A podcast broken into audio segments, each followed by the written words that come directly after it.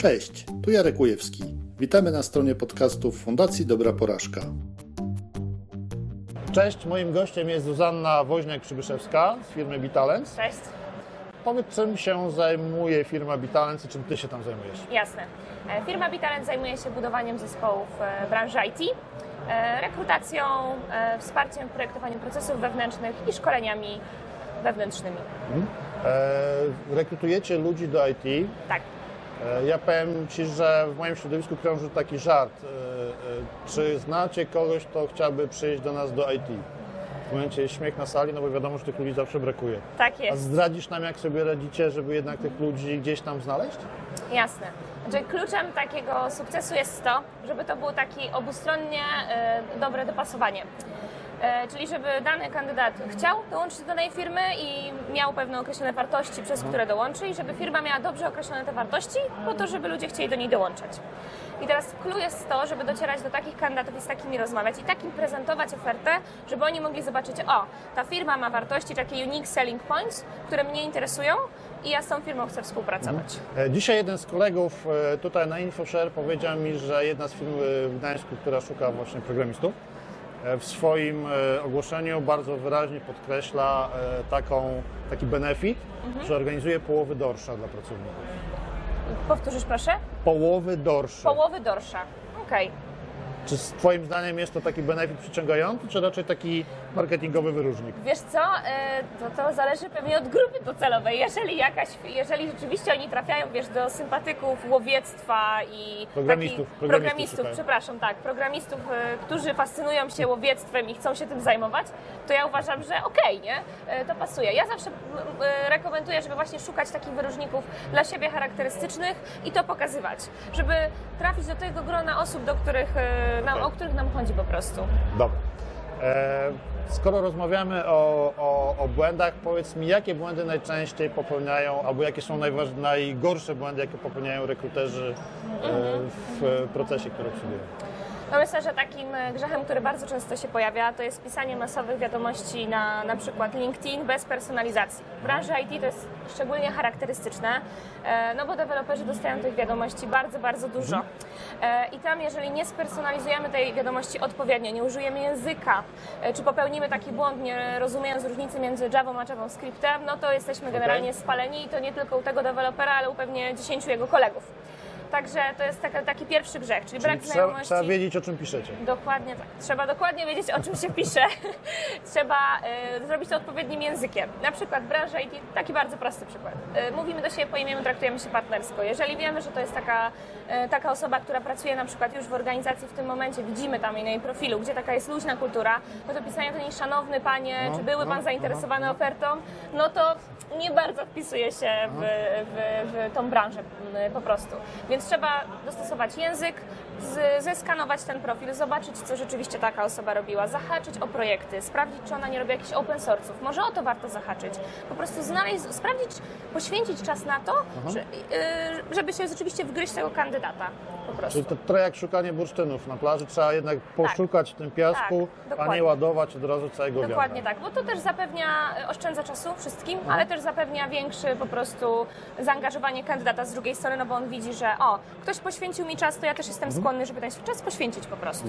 To jedna rzecz. Tak, jedna rzecz.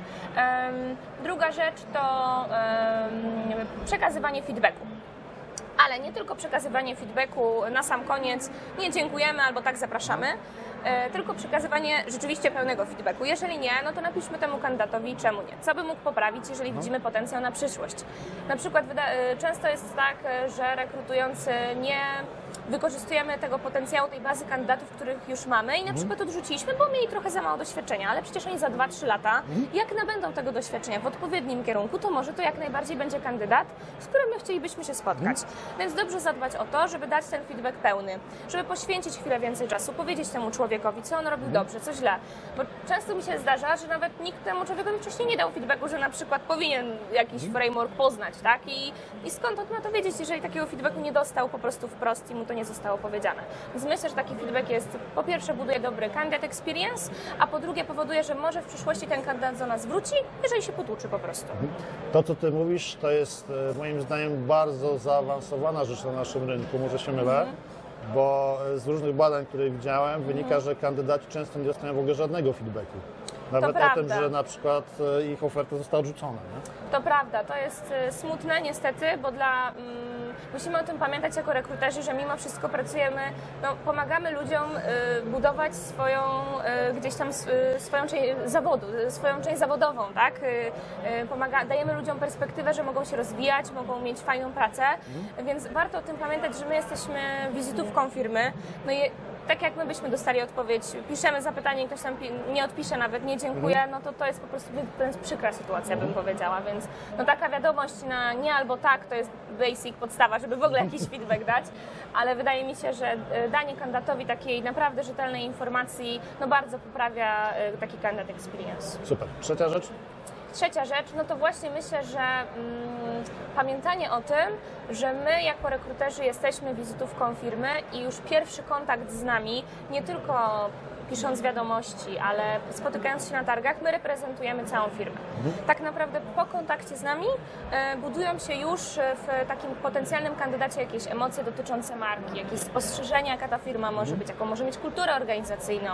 Więc ważne jest, żebyśmy my o tym pamiętali cały czas e, i tak naprawdę czasem zdarza nam się zmieniać ludzkie życia, no bo jak my tak. dopasujemy dobrą ofertę, dobrze to przedstawimy, też pokierujemy dobrze tego kandydata w procesie, przygotujemy go dobrze do tego, żeby on e, potrafił na przykład e, w kolejnych etapach rozmawiać z osobami technicznymi, nie? E, to, to może zmienić jego życie tak naprawdę i mamy bardzo duży wpływ. I wydaje mi się, że to jest taka e, trzecia rzecz, na którą warto zwracać uwagę, a często widzę, że no nie ma tego, y, tej świadomości, że to my jesteśmy tą wizytówką. Pojawiają się, sama dostaję takie wiadomości na LinkedInie, skier- oferty skierowane na zupełnie inne stanowiska, na przykład na testera, a ja nie mam nic z tym wspólnego, nie? I to już moja Moja opinia o tej firmie jest już, no, chyba nie do końca ktoś tam dba o, o to, żeby ten candidate experience był dobry.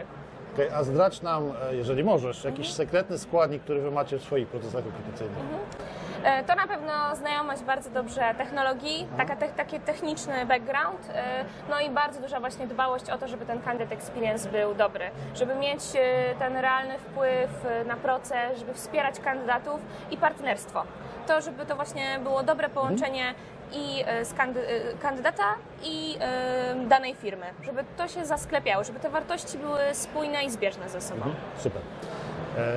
Czy mogłabyś powiedzieć o jakiejś takiej sytuacji, która zakończyła się porażką i o jakichś wnioskach, których z tego wyciągnęliście? To mam, do głowy mi przychodzi taki case, gdzie e, osobiście uczestniczyłam w procesie rekrutacyjnym na stanowisko e, kierownicze, e, menedżerskie i to było bardzo kluczowe stanowisko, bo to bo była duża potrzeba tam. Pojawiła się taka sytuacja, że rzeczywiście sporo kierowników odeszło i trzeba było znaleźć e, jak najszybciej tak naprawdę kierownika na dane stanowisko. E, No i e, menadżer, który był odpowiedzialny za tą rekrutację, wybrał osobę. E, No, ale już na etapie procesu rekrutacyjnego my jako rekruterzy, jako zespół taki HR-owy i zespół tego menadżera nie rekomendowaliśmy tej kandydatury z różnych przyczyn. Ale menadżer powiedział, nie, to jest moja dyrektywna decyzja. No i niestety ta osoba dołączyła do zespołu wprowadziła negatywną atmosferę, yy, spowodowała, że sporo osób z jego zespołu chciało też odejść, no i te, yy, że tak powiem, nasze obawy się spełniły. Więc yy, no, polecam, zwłaszcza takim hiring managerom, jednak brać gdzieś tam pod uwagę tą opinię yy, czy swojego zespołu w procesie rekrutacji, yy, czy właśnie rekrutera i HR-u, żeby takich błędów uniknąć, no bo pozyskanie osoby to jest drogi interes, tak naprawdę, dobrej osoby, zwłaszcza na takie stanowisko kierownicze. No i mm, tutaj ryzyko błędu jest y, bardzo duże. No i konsekwencje też mogą być spore, bo kierownik pracuje bezpośrednio z zespołem i może się wydarzyć, że nawet zespół nam odejdzie, jeżeli ten kierownik nie będzie dobrze zrekrutowany. Czyli nie dość, że stracimy osobę, straciliśmy ludzi, to jeszcze drugi raz ponosimy koszty rekrutacji. Dokładnie tak. E, A teraz zadam Ci pytanie, na które się nie omawialiśmy. E, Powiedz mi, e, co powinna zrobić osoba, która dzisiaj jest specjalistą, Jasne. inaczej, która wczoraj była specjalistą, dzisiaj jest menedżerem. Okej. em, a, y, dobra.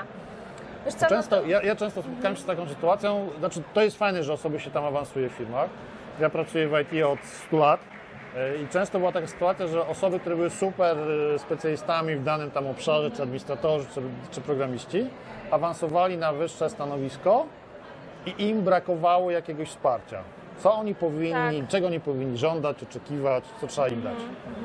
To jest bardzo dobre pytanie. Ja nawet wczoraj przy okazji lunchu z gronem e, deweloperów o tym rozmawiałam. Czy oni w ogóle mają aspiracje do tego, żeby być na przykład liderami zespołów, albo jak to u nich wygląda. I oni właśnie mi powiedzieli bardzo fajnie, że mają wręcz to wpisane w ścieżki kariery swojej organizacji, e, że e, można się rozwijać. Zanim się jeszcze stanie tym liderem, to można się już w tą ścieżce rozwijać, czyli już nabywać sobie tych kompetencji po trochu. Jeżeli się znajdujemy już w takiej sytuacji, że byliśmy wczoraj specjalistą, a dzisiaj e, nagle mamy zarządzać zespołem, no to przede wszystkim dobry kontrakt. I to kontrakt z osobą, która nam to zleciła, czyli Okej. z osobą wyżej, czego ona od nas oczekuje, jakich celów, em, co powinno się zadać w związku, z, w związku z tym, że ja tą rolę mam.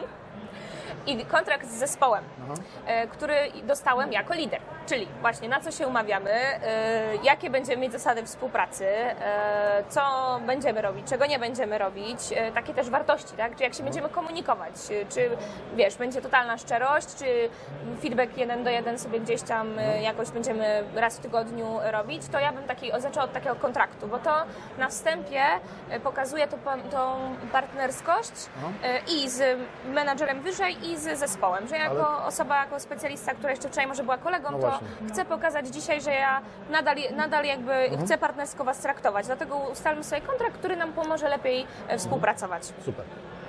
Słuchaj, dziękuję bardzo. Dziękuję. E, podsumowując tą pierwszą część, o której mówiliśmy, e, to żeby nie spalić sobie rekrutacji, po pierwsze trzeba być specjalistą w tej dziedzinie, w której rekrutujemy ludzi. Dokładnie tak. Trzeba wiedzieć, w jaki sposób do nich podejść, jak się do nich zwrócić, jak z nimi rozmawiać. Tak jest. Jaka była trzecia rzecz?